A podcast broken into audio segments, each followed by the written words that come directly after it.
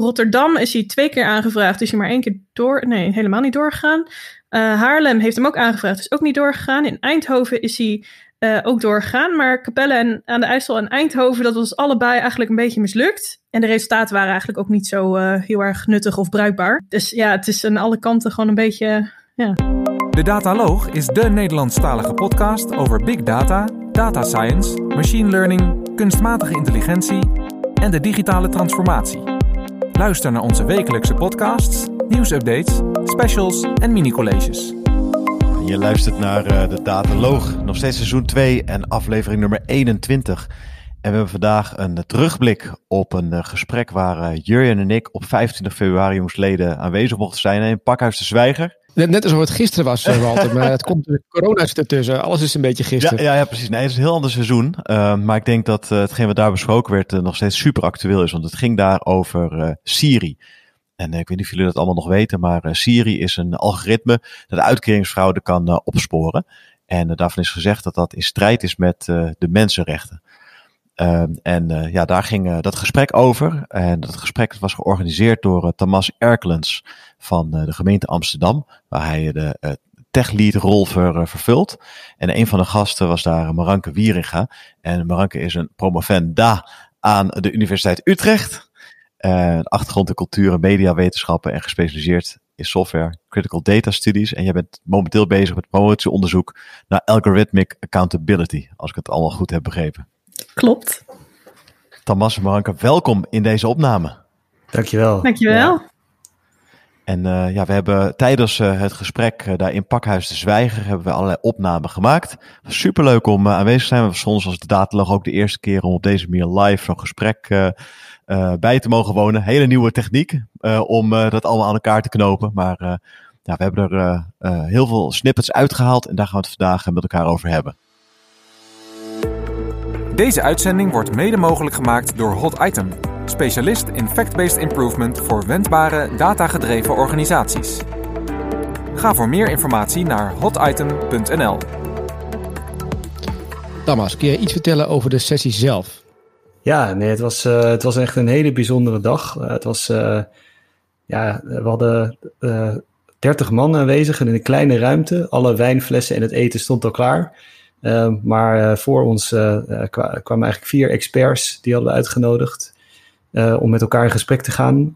voorafgaand aan een introductie van een jurist die echt die Siri-zaak uitlegde. Want het was 25 februari. Een paar dagen, misschien weken geleden, stond er overal op alle voorpagina's. Siri schendt mensenrechten, overheid enorm in de fout gegaan. En het was wel het gesprek van de dag in overheidsland. Uh, en ik denk ook wel in, uh, in, in bredere, uh, bredere Nederland, in ieder geval Amsterdam. Want later op de avond hadden we een gesprek met de wethouder, waar 300 man op afkwamen. Um, dus ja, het, het, was een, het was een bijzondere avond en iedereen had het erover wat betekent dat dan? En, en gaan we nu op een heel andere manier werken met elkaar?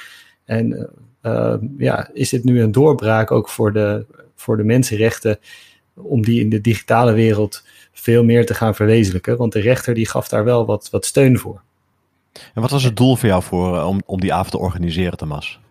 het doel was vooral om van elkaar te leren. Dus aanwezig in, bij het gesprek waren echt van de Vereniging Nederlandse Gemeenten, ministeries, uh, maar ook experts uit het bedrijfsleven. die daarna met elkaar aan tafel in gesprek gingen. Dus de bedoeling was, was ook om, de, om, om echt eerst op een heel hoog kennisniveau te komen. En daarna uh, met elkaar van gedachten wisselen. Hoe krijgen we nou die uitdaging die die rechter ons eigenlijk geeft als, uh, als overheden, maar ook samen met bedrijfsleven. Hoe krijgen we die nou uh, voor elkaar? En ja, dat, dat was, ja, ik was heel trots op die dag. En vandaar leuk om er nog eens een keer op terug te kijken. Ja, en om het geheugen ook even op te frissen, kunnen we iets laten horen over de specifieke casus ook? Hebben we daar geluiden van? ja, om nog even de spanning op te bouwen. Naomi Appelman, die is uh, de, ook een promovenda uh, van het Instituut voor Informatierecht.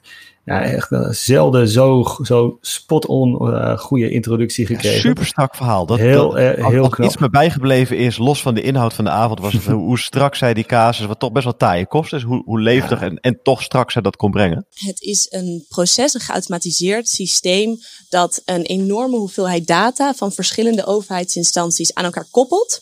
Om voor individuele burgers het risico in te schatten dat zij een bepaalde vorm van sociale zekerheidsfraude plegen.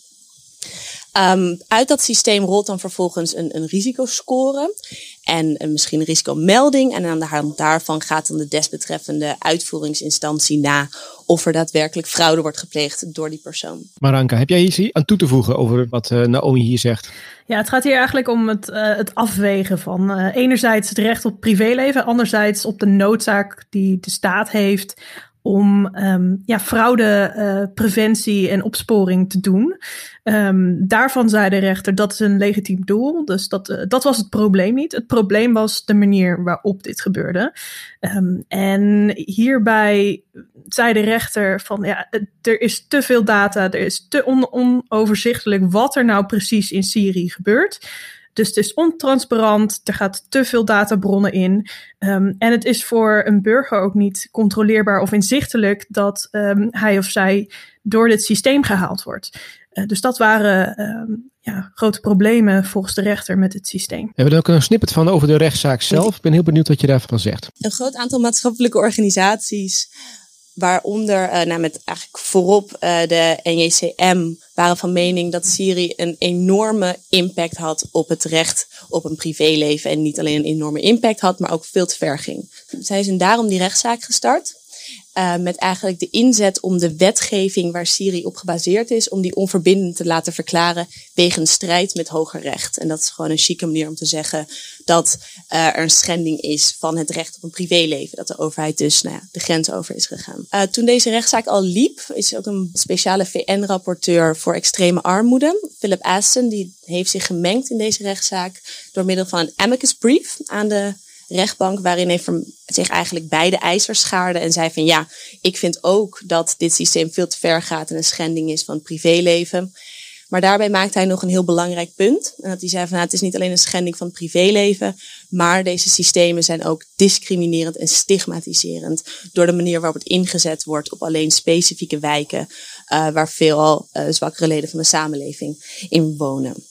Deze toets uh, verloopt eigenlijk altijd volgens een vast ramien. Er wordt eerst gekeken van, nou ja, is er überhaupt sprake van inmenging? En hoe erg is die inmenging? Waar, waar hebben we het eigenlijk over? Dan is het doel waarvoor dit wordt ingezet een legitiem doel. Dan is het voorzien bij wet, dus is er een wettelijke basis? Kunnen hebben burgers hier toegang toe? Weten burgers waar ze aan toe zijn? En uiteindelijk is de inzet van zo'n systeem ook daadwerkelijk noodzakelijk. EJCM. Maranke, wat is dat? Dus het NJCM. Uh, het is een Nederlands juristencomité voor de mensenrechten, als ik het goed uh, onthouden heb. Um, en dat is een groep juristen die zich bezighouden met uh, ja, verdedigen van, van mensenrechten. Um, en dus ook helpen om dit soort zaken, fundamentele zaken aan te spannen. En ze hebben het over een amicus brief. Thomas, wat is dat precies? Ja, nu vraag je iets, iets aan de niet-jurist. Maar volgens zoals ik het heb begrepen, is dat, is dat eigenlijk een brief die iemand die geen partij is aan een rechtszaak uh, kan sturen uh, aan de rechter. Om hem ook te laten zien dat hij zich bijvoorbeeld heel erg zorgen maakt om iets wat in een rechtszaak gebeurt. En het is best bijzonder dat, dat dus een, een echt hoge, hoge VN-pief voor zo'n zo'n rechtszaak, Nederlandse rechtszaak in de, in de brief ja, in de pen klimt. Hier uh, gaat het dus over de grens van privéleven en niet privéleven. Maranke, kun je iets vertellen over waar die scheidslijn ligt? Of die scheidslijn dan absoluut is, of misschien juist relatief in sommige gevallen? Uh, die scheidslijn uh, is niet absoluut. Dus het recht op uh, privacy, zoals we het meestal noemen, in de um, Europese Verdrag van de Recht, van de Mens, artikel 8, staat dat beschreven. Uh, dat gaat over het respect voor uh, privéleven, familieleven, gezinsleven, uh, respect voor de woning en de correspondentie van een individu. Um, dat is niet een absoluut recht in de zin van als daar een goede reden voor is, zoals bijvoorbeeld um, het uitoefening van het recht of um, het voorzien hè, dingen die bij wet voorzien zijn en noodzakelijk zijn voor een democratische samenleving, dan kan daar inbreuk op gemaakt moeten worden. Maar dat moet wel proportioneel zijn. En dat was dus in dit geval het probleem. Om dit allemaal toelichting te geven, Thomas, heb jij deze bijeenkomst georganiseerd. Nou, Naomi heeft dat heel helder uh, allemaal uh, uitgelegd. Ja, alsof ze al geoefend had uh, voor de podcast. Want het is alsof ze hier live bij ons is. Dat is echt fantastisch. Ja. En vervolgens gingen we als panel met elkaar in gesprek. hoe zag dat er verder uit? Ja, we hadden, we hadden vier mensen die uh, aanwezig waren. Even, ja, beter kan bijna niet in Nederland, die echt, echt van de hoed en de rand weten over wat deze casus nu zou betekenen in hun werk. Iedereen die, die, die voelde de urgentie van dit thema. We moeten hierbij zijn en we willen hier echt uh, onze licht over la laten schijnen. Uh, Yugesh, data scientist in Rotterdam. Maranke van Utrecht University. Frank van Praat van KPMG. En Ran Haase hier van de Vereniging Nederlandse Gemeenten. En het mooie is dat we echt een multidisciplinaire groep hebben. Dus juristen, um, data scientist, sociale wetenschappers uh, en accountant. Ben jij een accountant? Officieel een IT-accountant noem ik het allemaal even. Kijk. Dus gespecialiseerd in het beoordelen van IT-systemen. Okay. Ja. Wilde ze ook gelijk toen je ze uitnodigde? Ja, ik was eigenlijk veel te laat met bellen. Net als ik jullie veel te laat had geweld. Maar iedereen die, die, die voelde de urgentie van dit thema. We moeten hierbij zijn en we willen hier echt uh, onze licht over laten schijnen. Goed, dat zijn de deelnemers aan dit uh, gesprek. Um, en vanuit verschillende invalshoeken hebben zij hun mening gedeeld over uh, Siri. Ja, kunnen we daar wat van terugluisteren ook? Ik vind de uitspraak uh, redelijk rechtelijk activistisch. De juristen in de zaal die, die, die, die zullen begrijpen wat ik zeg. Maar wat ik daarmee bedoel is, de rechter, je kunt de rechter het verwijt geven dat hij hiermee op de stoel van de wetgever gaat zitten. En volgens mij, wat de rechter heeft geda gedaan, is eigenlijk een oproep gegeven: we moeten dit maatschappelijk debat gaan voeren. Het is niet alleen een kwestie van de rechter moet een uitspraak doen. Maar gemeentes, bestuurders, politici, beleidsmedewerkers, uh, wetenschap, et cetera, moeten uh, uh, het gesprek gaan voeren. Willen we dit soort systemen wel? Ja, dat was Ran Hazen die aangeeft dat de uitspraak dat nogal rechtelijk activistisch was. Maranke, wat vind je ervan? ja, nou, ik, ben, ik ben geen jurist, dus ik ga even wat aan verwachtingsmanagement doen. Um, maar het klopt wel wat hij zegt. Um, er zitten wat, wat interessante dingen in, in die uitspraak. Um, zo ja, het, wordt, uh, wat ik begrijp, in elk geval niet uh, aan een AVG eh, getoetst bijvoorbeeld.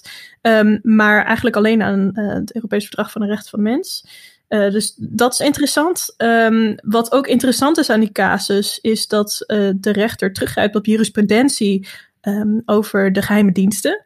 Omdat Syrië eigenlijk zo ontransparant is, dat de rechters gewoon eigenlijk daar, daar geen, geen, ja, geen, geen, geen raad mee wisten. Nou, dat is eigenlijk het grote punt van het hele Siri-algoritme. dat het, het gebrek aan transparantie, dat je niet weet waarom er bepaalde uitkomsten uit dat model komen.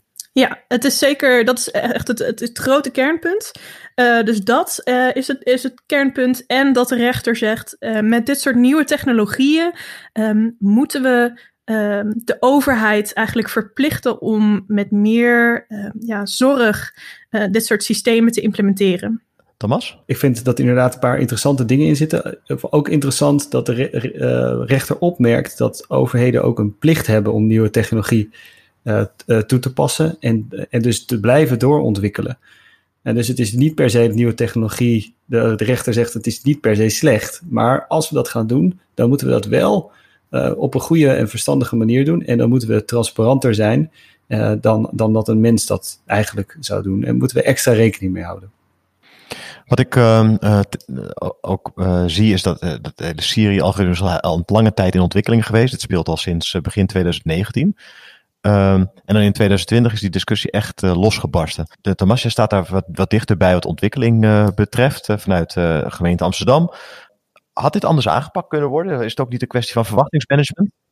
Ja, het is, het is eigenlijk een, een systeem dat het eh, ministerie heeft, heeft ontwikkeld en waarvoor een aparte wet is gemaakt. En dat is volgens mij zoals 2016, het was nog, ja, het is echt lang, lang gebruikt. Die wet is ook speciaal voor gemaakt om met big data-achtige benaderingen, eh, terwijl er eigenlijk helemaal niet zo heel veel data hier, hier, hier speelt, maar om verschillende variabelen met elkaar in verband te, te brengen en te kijken hoe correleren die variabelen nu met, met zoiets als in dit geval is, dat, het, is dat een risico-inschatting. Ja, dus wat, bijvoorbeeld, wat bijvoorbeeld onderzocht werd met Syrië is als iemand ingeschreven staat op een woning en die krijgt, krijgt een uitkering, maar er blijkt op datzelfde adres meerdere mensen te wonen, hey, dan is er mogelijk fraude van toepassing. Ja, dat is, dat, eh, eh, en dat is een heel simpele business rule. En wat Siri uh, ook deed, was dus onderscheid maken op basis van postcodes. En daar extra controles uh, op doen. Als bleek van, hé, hey, er zijn heel veel mensen in die postcode die bepaald... Het ging op inkomensniveau dan, hè? Ook, ook. Er allerlei variabelen die werden... Dus er werd aan de ene kant vanuit de data gekeken... van welke variabelen leveren nou een risico op. Maar er werd ook gezegd oké, als er in die wijk nu een grotere kans is dat iemand fraude pleegt, dan gaan we ook vaker in die wijk kijken. dus, dus, en dat, dat effect uh, versterkt elkaar eigenlijk. En daarvan heeft de rechter inderdaad gezet, op, op, als je puur op basis van postcode onderscheid gaat maken, uh, dan worden mensen die in, in dat soort wijken wonen, uh, worden vaker gecontroleerd. En op die manier worden zij ook on, ongelijk behandeld. Want het gaat nu niet meer alleen om, om een individuele gedrag, maar ze worden eigenlijk op basis van hun groepskenmerken ook beoordeeld. Wat mij zo opvalt aan dit soort systemen, dat hoor ik al vaak, is dat je dus een, dat een feedback loop mist. Je doet een voorspelling op wat iets wat mogelijk zou kunnen zijn. Was er in het systeem van Siri ook een terugkoppeling van hey, als ik geen fraude ontdek, dan pas ik mijn algoritme aan, waardoor ik dus scherper word en dan meer accurater ben, ook op de uh, vals positieve en de vals negatieve? Ja, dat weten we eigenlijk niet. We weten niet zo goed hoe dat proces zeg maar loopt met het uh, ja, opnieuw um, ontwikkelen van Siri en het blijven bijleren. We weten niet zo goed hoe dat werkt. Dat was ik, ben al die, ik ben al die WOP-stukken doorgegaan en uh, ik, heb, ik heb nog steeds geen idee hoe dat in elkaar zit. En het is ook niet zo dat het nou heel vaak gebruikt schijnt te zijn. Hè? Puur in een proef en vervolgens is het toch weer toen weer, we gingen we wel door en niet door. Dus het was ook een beetje, volgens in mijn indruk, een overheidsproject waarvan de mensen die het zelf starten ook niet echt wisten wat ze nou echt aan het doen waren. Uh, er werd van alles en nog wat mee geëxperimenteerd, maar ook weer niet. Het is een beetje de betere lijn geweest van de, van de dataprojecten, zeg maar, van de overheid. Um, het is uh, de eerste keer is in een Capelle aan de IJssel um, uitgeprobeerd. Toen, uh, even kijken, uh, is in Rotterdam is hij twee keer aangevraagd, is hij maar één keer door, nee, helemaal niet doorgegaan. Uh, Haarlem heeft hem ook aangevraagd, is ook niet doorgegaan. In Eindhoven is hij ook doorgegaan, maar Capelle en, aan de IJssel en Eindhoven, dat was allebei eigenlijk een beetje mislukt. ze konden de data niet goed koppelen en de resultaten waren eigenlijk ook niet zo heel erg nuttig of bruikbaar. Um, dus ja, het is aan alle kanten gewoon een beetje, ja. Dat is wel interessant, hè? Dan hebben we dus de, de, de dagbladen staan vol met verhalen over Syrië. De juristenvereniging is bezig met een, een brief en uh, maakt protest. Het, het, hele land is op zijn kop voor een systeem wat dus blijkbaar niet goed geïmplementeerd is. Ja, klopt. Inderdaad. En, en uh, ook nooit echt goed, nog niet eens niet goed, maar gewoon niet geïmplementeerd is. Het is allemaal een beetje testen en klooien geweest. En het is heel logisch dat als je gaat ontwikkelen, dat je niet goed weet wat je doet. Uh, maar het is wel belangrijk om in zo'n proces van ontwikkeling transparant te zijn. Dus laat bijvoorbeeld je code open source zien. Uh, uh, ja, leg uit wat je aan het doen bent. hou bij hoe en wat je precies gaat testen. Um, maar dat, dat zijn dingen die allemaal niet gebeurd zijn. Is dat binnen de... Dan praat je feitelijk over de rol van de data scientist. En dat is wat Yugesh ook zegt in zijn, in zijn stukje over de impact van Siri op zijn rol. Wat dit betekent voor mijn werk is eigenlijk tweeledig. Uh, wat betreft uh, ideeën die er zijn over control en uh, de plannen die we daarvoor geschreven hebben, maakt het het werk een stuk urgenter en relevanter en makkelijker misschien wel. Het is ook een soort richtsnoer van, hey, weet je, we hebben nu een uitspraak op een eerste casus die zo landelijk toegelicht is. En van daaruit kan je afpellen. En of dat nou een activistische uitspraak was of niet, dat, dat is dan een onderdeel in dat afpellen. Um, wat betreft mijn werk als data scientist, um, hoop ik dat de meeste van ons al wel de juiste afwegingen daarin maakten. Of in ieder geval die gesprekken en die afwegingen uh, op de juiste manier proberen te doen met de juiste mensen die erover gaan. Um, dus je hoopt stiekem dat daar niet heel veel in verandert. Mhm. Zelfs met die richtlijnen, dan zullen dat inderdaad richtlijnen zijn die vrij minimalistisch zijn qua rechten en dergelijke. En dat je dan uit jezelf al iets meer doet. Maar dat is hoe ik daarover denk. Ja, tot dan pak ik even terug ook naar, uh, want horen we Yugeshi zeggen dat hij hoopt dat er weinig verandert. Dan hoor ik je ook zeggen, Thomas, van we moeten eigenlijk heel transparant zijn en misschien zelfs wel de modellen die we ontwikkelen open source beschikbaar gaan stellen. Maar dat is nogal wat. Zeker. En ik kan me voorstellen dat het niet standaard praktijk is uh, bij een gemeente of binnen de overheid. In het bedrijfsleven ook niet. Nee, nou, voor de overheid gelukkig steeds meer. Uh, het, is, het is zo dat de overheid heeft natuurlijk weinig concurrenten. Je kan moeilijk uh, naar een andere gemeente verhuizen omdat, je, omdat de code niet open source staat. maar het is een heel belangrijk principe dat, dat die modellen transparanter worden ontwikkeld. En heel veel programmeurs bij de overheid die gaan juist voor die reden ook bij de overheid werken. Dus als je het aan de data science teams vraagt, die zeggen doe maar. maar je merkt ook wel dat alle mensen daaromheen dat best spannend vinden. Want wat als, uh, als er nou blijkt dat we toch iets doen wat eigenlijk niet mag en dat mensen daarachter komen? Uh, ja, we hebben een organisatie, uh, de overheid is best, best conservatief daarin. En ja, je merkt, je merkt dat, dat heel veel mensen ook niet zo goed weten wat het dan is, open source. En dat het daarom ook, het, ja, als ze het niet weten, dan maar niet, want dat is, dat is een minder risico. En dat levert ook geen gekke vragen op van journalisten of van de politiek. Uh, dus uh, ja, laat, laat maar lekker, houd maar lekker klein. Dat is, dat is wel impliciet zit dat een beetje in het systeem. Terwijl als je naar elke politicus zou vragen, moet het open of niet, zegt iedereen, zet het open. En de gemeenteraad van Amsterdam in 2012, het moet open data. We hebben nu een open source beleid. maar de praktijk is dat het nog steeds niet in, in één keer van de grond komt. Maar het wordt wel gestimuleerd. Ja, zeker. Het wordt gestimuleerd. En uh, ja, ik denk dat nog veel meer gestimuleerd kan en moet worden. Ja, want we hebben nu uh, een schatting, misschien 3 tot 5 procent van onze IT is, is op basis van open source software. En heel veel is, zijn aanbestedingen, zijn producten die we inkopen. terwijl, ja, en van die producten die we inkopen, daarvan stellen we niet de voorwaarden dat je bijvoorbeeld transparant uh, moet zijn over de, de modellen die je gebruikt. Nou, dat zijn dingen waar we nu aan het onderzoeken zijn. Of we dat kunnen doen. Maar Anke, open source is het ook een onderdeel van jouw promotieonderzoek? Uh, zeker een klein deel ervan. Uh, maar ik wil nog wel graag iets verder gaan dan dat. Um, want open source is heel mooi, maar dat is transparantie van de technische kant. Uh, en helaas zijn het technische systemen die altijd in sociale praktijk en organisatiecultuur en een maatschappelijke cultuur um, zich bevinden. Uh, dus we moeten ook het hebben over de afwegingen waarom het systeem deze technische vorm heeft gekregen die het heeft. Um, dus ik denk dat we ook nou ja, dat sociale uh, proces, zeg maar, ja, ook open source bij wijze van zou moeten maken. En hoe doe je dat?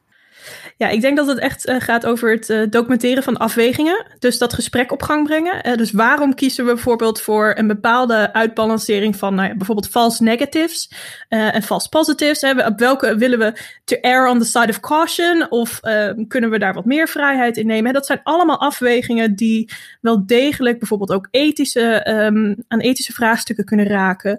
Um, maar ook aan de publieke waarden die je met je systeem wil nastreven. En ik denk dat, dat, dat we dat gesprek echt op gang moeten brengen en door het hele proces heen moeten blijven eiken of we nog steeds realiseren wat we aan het begin zeg maar met elkaar geformuleerd hebben dat we willen bereiken. Ja, en dat is wat Juges ook zegt. De meeste teams die doen dat ook wel. Uh, alleen uh, omdat echt die hoopt dat, dat dat door alle teams gebeurt en blijft gebeuren.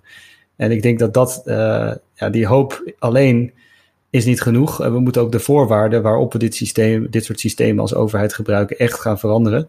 en ik denk dat die om dat als voorwaarde te stellen dat je ook de, de, meeste nerds die open source willen werken en transparant willen zijn over de afweging, en de meesten willen dat echt, dat je die daar enorm mee helpt. Nou, nou hoor ik jou zeggen, Mark, dat open, open source en transparantie gaat verder dan puur die technologie. Um, en je zou ook de beslisboom, zeg maar, hoe zo'n algoritme tot een uitkomst uh, komt, die zou je openbaar moeten maken. Dan zit ik te denken aan partijen als, uh, als Instagram, Facebook, die draaien ook volledig op algoritmes. En die geven bewust die modellen niet vrij, omdat mensen er anders ook misbruik van kunnen gaan maken. ik kan me voorstellen dat op het moment dat je dat allemaal openzet, dat burgers ook door inzicht wat ze hebben, om het systeem heen kunnen gaan werken. hoe kijk jij er tegenaan? Ja, dat is, dat is eigenlijk het uh, verweer van de staat geweest. Waarom ze het niet uh, open wouden maken bij Siri. Uh, omdat het de opsporingsbevoegdheid in de weg zou zetten. Um, in dit geval, kijk, Siri ging over historische data. dus op het moment dat zij dat model opengooien, konden mensen al niks meer aan hun gedrag veranderen. dus dan is ja, dat eigenlijk. Um, niet echt relevant. Ehm, hoogstens voor volgende jaren dat je hetzelfde project in dezelfde wijk bij dezelfde mensen weer zou uit gaan voeren. Ehm, maar op het moment dat je historische data gebruikt, ja, dan, dan kun je dat niet gamen, want die data is al verzameld. Ja. Wat ik mij nou zo afvraag, hè? Ik, heb een, ik heb een keer een, een geblokkeerde bankpas gehad. Uh, dat vergelijkt met wat jij zegt, Walter. En bij een geblokkeerde bankpas speelt postcode een rol. Want als in een bepaald gebied uh, bepaalde uh, zakkenrollers zijn, dan blokkeren banken op een bepaalde omgeving hun bankpas.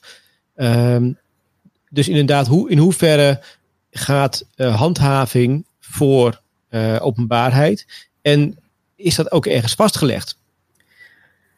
Ik denk dat dat elke keer weer opnieuw een afweging is. Um, en dat gaat dan weer over die proportionaliteit waar we het net al even over hadden. Um, het moet in verhouding staan met elkaar. Dus de, de, ja, de heftigheid van, het, van ja, de situatie moet in verhouding staan um, tot ja, het ingrijpen op die situatie. En dat is denk ik een discussie die je elke keer opnieuw moet voeren.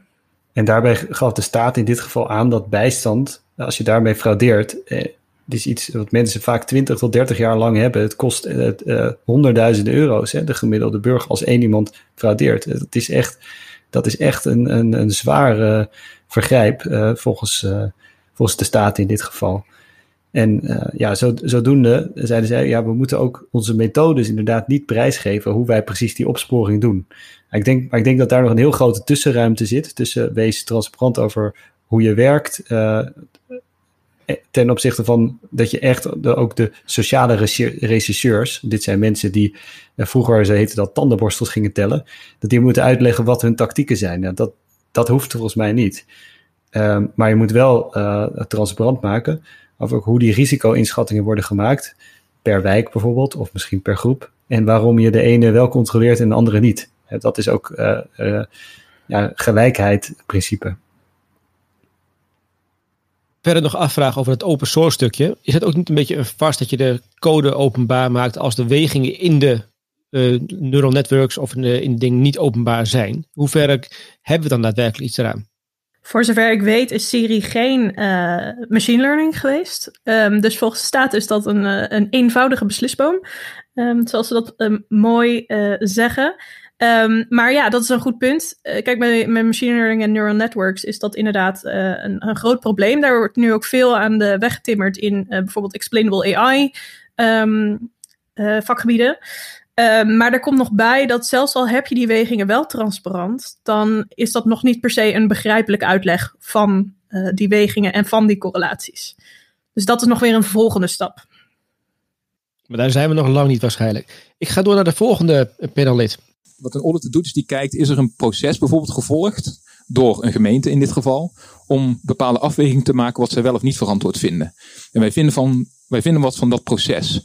Als uiteindelijk de, bijvoorbeeld gemeente Rotterdam ervoor kiest om foto's te gebruiken waar geen blur uh, uh, wordt gebruikt, en dat is bijvoorbeeld wel juridisch verantwoord, en daar heeft uh, de gemeente een juiste afweging in gemaakt, dan kunnen wij daar in die zin niet zo heel veel van vinden. Dan kunnen we alleen maar beoordelen dat dat proces juist is gevolgd. Wij zullen nooit op de stoel gaan zitten van een bedrijf of uh, overheidsinstantie zelf, waarin we zeggen van dit vinden wij ethisch ja of nee. Kijk, we kiezen wel als auditors ervoor om te zeggen van wij zelf willen met bepaalde organisaties niet mee in zee gaan, maar dat is een hele andere discussie dan ja, we zullen gewoon nooit op de stoel gaan zitten om iets te vinden van wat een bedrijf verantwoord vindt, ja of nee. Ja, ook hier gaat het weer over het, uh, het proces en de manier van werken hierin. Uh, Thomas, hoe, ja, hoe, hoe, hoe, hoe kan dit anders? Nou, dit is wel, wel leuk, want met, met Frank uh, hebben we ook een, een audit gedaan van onze algoritme uh, in Amsterdam. En zij hebben met name een toetsingskader gemaakt. Uh, daarbij merk je dat zij ook toetsen, zijn de juiste dingen gebeurd? Uh, hebben jullie wel een ethisch gesprek met elkaar gevoerd, bijvoorbeeld? Um, maar ja, uh, de, de, vraag is dan, oké, we hebben een ethisch gesprek met elkaar gevoerd en we kiezen toch het verkeerde. Dus het is puur het testen of we zoiets hebben gedaan is niet voldoende. Het is wel, wel mooi om te, kunnen, om te kunnen laten zien en om al je, al je vinkjes af te, te checken. Um, het is cruciaal hè, dat, dat, we, dat alle mensen in een organisatie die daar werken, data scientists, beleidsmakers, opdrachtgevers, elkaar scherp houden uh, en met elkaar over hebben, doen we wel het juiste. En ja, dat, uh, dat is in bijvoorbeeld ne nemen we een bepaalde variabele mee? Mag het wel of niet? Uh, dat is een juridische vraag. Maar soms mag het en doe je toch niet het juiste. Dus dat, dat gesprek over wat willen we nou eigenlijk met elkaar bereiken, uh, dat is cruciaal. En, en ja, ik snap dat een auditor verder niet op de stoel van een, van een bedrijf gaat zitten. Wie dan wel? Ja, dat moet je dus met elkaar fixen dus je kan alleen met elkaar in gesprek gaan. Het is niet één persoon die dat uh, zou moeten doen of één rol. Het is fijn dat je, dat je kunt toetsen of de juiste stappen genomen zijn. Uh, maar het is vooral uh, ook het, het met elkaar snappen wat algoritmes nu doen en hoe ze op een eerlijke manier kunnen worden toegepast. En daarvan ja, zal je iedereen die betrokken is, moeten, op niveau moeten brengen. En uh, is het een plicht voor de nerds die de modellen maken om ook uit te leggen hoe het werkt en welke keuzes er zijn. Uh, en een plicht voor, voor de beleidsmakers en de opdrachtgevers om daar naar te luisteren. Uh, en om, om die af, de afweging daarachter niet te zeggen, nou doe maar een modelletje, doe maar een oplossing. maar echt dat, dat techniek en, en beleid met elkaar samen een nieuw product ontwerpen en ontwikkelen en daar blijven ook reflecteren. Ook, ook een jaar later en twee jaar later. En Maranke, ligt er ook een plicht bij de media om zich te scholen in deze technologie om beter verslaggeving te doen van deze technologie? Ja, ik denk het wel. En uh, ook daar is een heel vakgebied mee bezig. Dus dat is het goede nieuws. Um, maar ja, dat is uh, zeker, uh, zeker handig. En je ziet al wel dat dat steeds meer gebeurt. Dan heb ik nog één snippet van, ja, van, van jou, Maranke, dat jij dit tijdens die avond gezegd hebt. Dus ik, ik, laat jou, ik, laat jou, ik laat jou jezelf even horen. Kijk, er zijn, er zijn heel veel richtkaders die er al zijn, die niet per se over algoritme gaan. Maar we hebben nu net uh, bij Siri um, gezien dat het getoetst werd aan de recht van de mens, bijvoorbeeld. Um, maar je kan ook gewoon kijken naar de algemene beginselen van behoorlijk bestuur. Uh, hoe verwerk je dat in je systemen? Hoe zorg je dat, het, dat je je doelbinding uh, blijft waarborgen? Hoe garandeer je een fair play principe? Um, en welke richtsnoeren je daarin precies kiest, ja, daar sluit ik me eigenlijk bij de auditor aan. Dus dat is denk ik een keuze die elke gemeente binnen bepaalde projecten voor zich moet maken.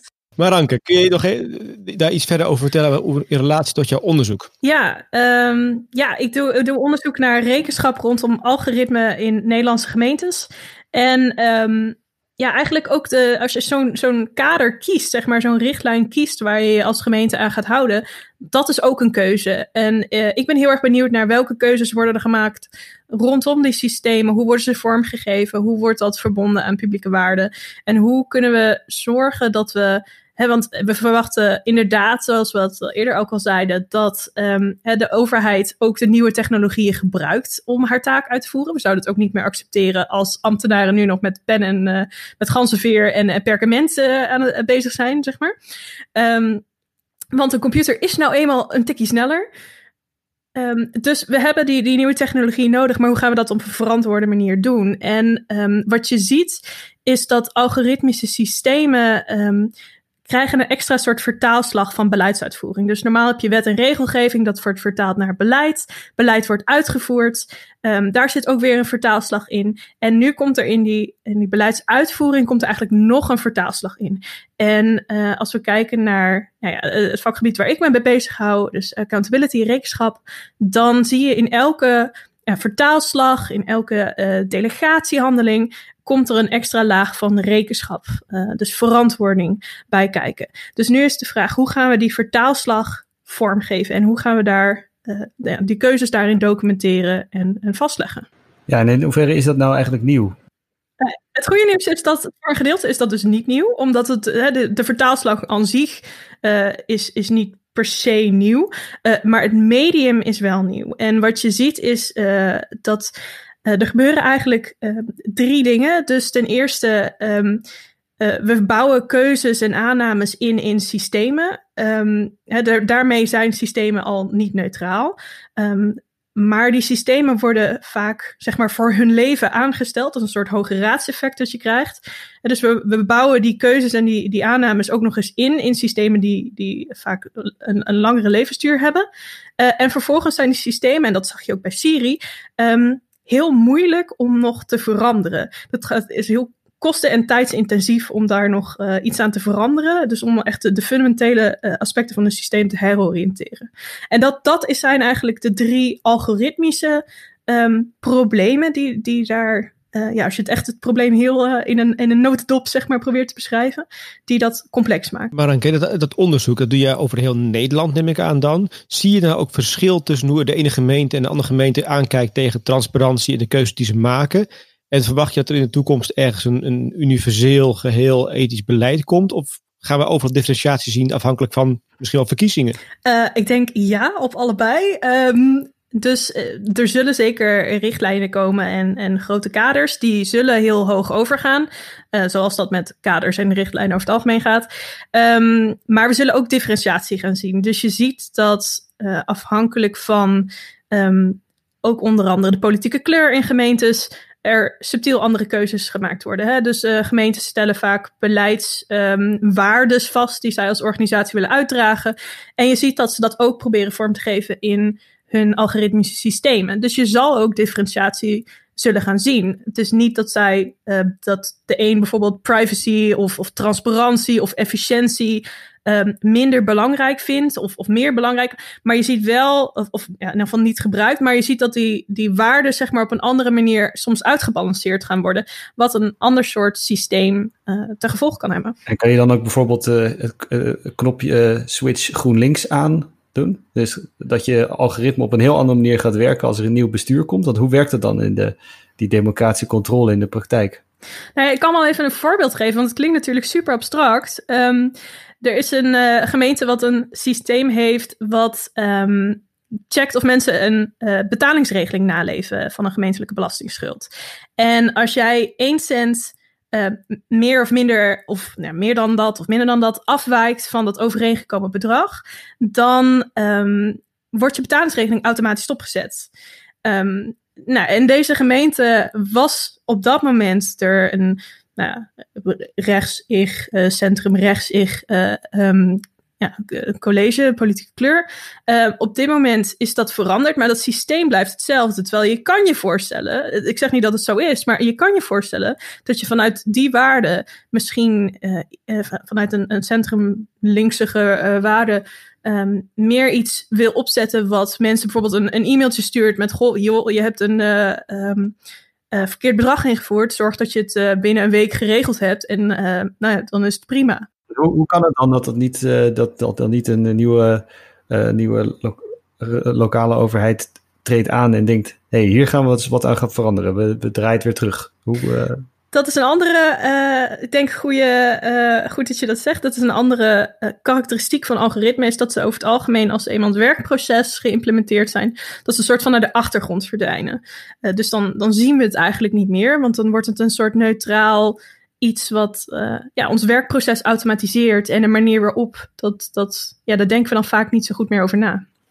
Ja, dus dat is ook iets waar we in Amsterdam proberen elke, ja, elk jaar te, alle onze algoritmes in de gaten te blijven houden en te toetsen. En waarom we een algoritmeregister maken, dat, dat een overzicht van al onze algoritmes probeert uh, uh, vast te leggen, zodat het ook transparant is. Ten eerste niet alleen wat is de code, maar ook welke keuzes liggen daar ten grondslag. Uh, en het is natuurlijk heel, heel praktisch wanneer een, een, nieuwe, een nieuwe gemeenteraad komt. Wat ik hier hoor is, is iets wat best wel modern is. Hè? Je, je stapt in je auto en je zegt, nou, ik wil de, mijn voorkeurspositie in je stoel en je, en je, stuur gaat naar de juiste plek. En als je thuis komt, gaat de verlichting uh, in de juiste sfeer. Um, maar met wet en regelgeving gaat het natuurlijk wel echt een stuk verder. En ben je ook niet per se afhankelijk van algoritmes en data. Want je zou dat met de gewone wetten uh, en afspraken binnen een gemeente ook kunnen doen. Dat je zegt, nou, uh, centrum rechts eruit en links erin, al de wetboek erin. Ook. Dat gebeurt nou, ook, hè? Op, op, op beleid. Ja. Um, en, dat is ja. zeg maar, je hebt wet en regelgeving, maar daartussen, uh, hoe je, uh, je wil naar Rome, maar hoe je naar Rome komt en welke weg je pakt, ja, daar, daar is een hoop variabiliteit in mogelijk.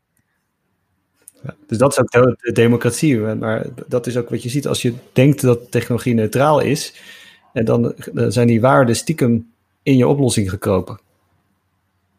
Ja, ligt dat eens toe? Nou, ik, uh, dat bijvoorbeeld uh, wanneer, even zoeken naar, naar een goed voorbeeld. Dus op, op het moment dat, je, dat we nu een, een systeem hebben om alle Amsterdammers in de gaten te houden, met, een, met een linkse, een linkse gemeenteraad, En dan is dat waarschijnlijk niet helemaal in lijn nu met, met, eh, met de politieke wil. Eh, Maar dat, dat systeem eh, is inderdaad, zoals Marank al zegt, ligt al ergens, draait ergens en, en wordt geïmplementeerd. En de mensen die dat doen, die blijven dat doen. Eh, maar zo- als je daar niet op reflecteert, eh, dan verandert het ook niet. Eh, dus dat is, dat is daarvan een voorbeeld. Een, een andere is, ga je met cameraauto's door de straat rijden?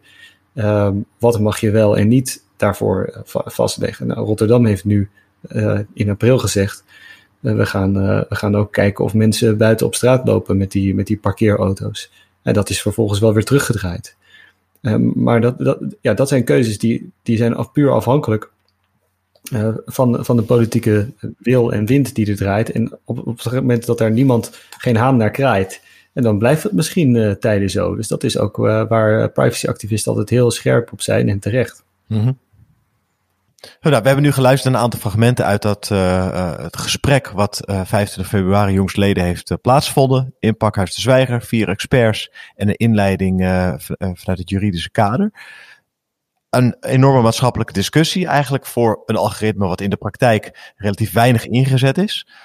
Thomas, wat, wat, wat halen we hier uit? Wat, wat haalt de overheid hier uit? En hoe voorkomen we dit soort situaties in de toekomst? Ja, ik denk, dat- ik denk dat je het, eh, het helaas eh, niet kunt voorkomen. Maar ik denk wel dat heel veel overheden op dit moment zich realiseren eh, dat vooral het belangrijkste, dat de technologie die ze inzetten, dat die niet neutraal is en dat er altijd waarden aan ten grondslag liggen. En dat je transparant moet zijn over de keuzes die daarachter liggen. En als je dat, dat niet kunt zijn, dat je dan eigenlijk in overtreding bent van de wet. En eh, ja, eh, dat betekent dat veel overheden, eh, wanneer, ja, wanneer ze technologie gaan toepassen, dat op een andere manier aan het doen zijn en aan het leren zijn hoe ze dat op een andere manier moeten doen. Ehm, natuurlijk gebeurde dat daarvoor ook wel, maar dit heeft wel extra urgentie gecreëerd bij gemeentes en, en in ieder geval, maar ook bij andere overheden. Dat, dat algoritmes, ja, het zijn, eh, het zijn eh, aan de ene kant heel simpele, simpele formules en beslisbomen die we al jaren doen.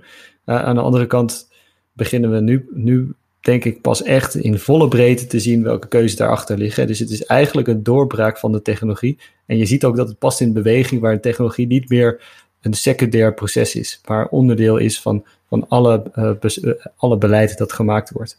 Dus beleid en uitvoering gaan, gaan eigenlijk nu samen en moeten meer met elkaar gesprek. Omdat je, eh, ja, omdat je anders gewoon, eh, gewoon niet eh, niks kunt veranderen. Ja, Maranke, als, zoals Thomas zegt, als aan die transparantie en aan het besef dat er ook waarden eh, in die data en beslissingen aan de grondslag liggen. is het dan niet nodig voor de overheid om terughoudender te zijn? Dan kunnen we gewoon gestaag verder met het ontwikkelen van algoritmes? Of, of zijn er meer dingen waar rekening mee gehouden moet worden?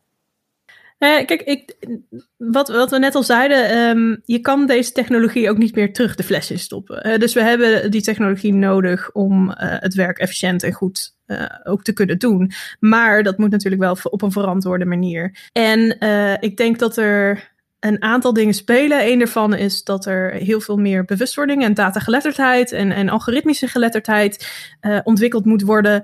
Ehm, ja, dat, dat kwam ook bijvoorbeeld uit dat, eh dat Kamerrapport, eh, update vereist, ehm, waar de Tweede Kamercommissie onderzoek naar heeft gedaan. Ehm, en eh, dus, dus dat is één ding.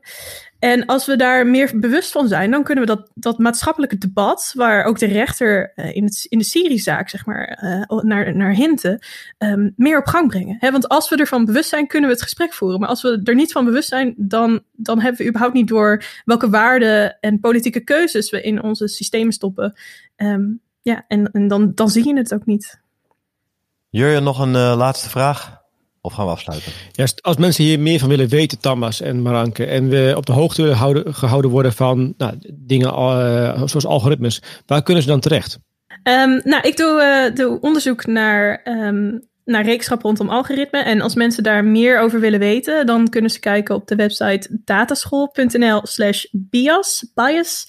Ehm, daar staat wat meer uitgelegd over waar ik met mijn onderzoek mee bezig ben, uh, welke tools ik ontwikkel samen met gemeenteambtenaren om uh, dit soort gesprekken over waardes, over afwegingen uh, op gang te brengen, te faciliteren en ook te documenteren, zodat we ook zeg maar die open source van dat sociale aspect op poten kunnen zetten.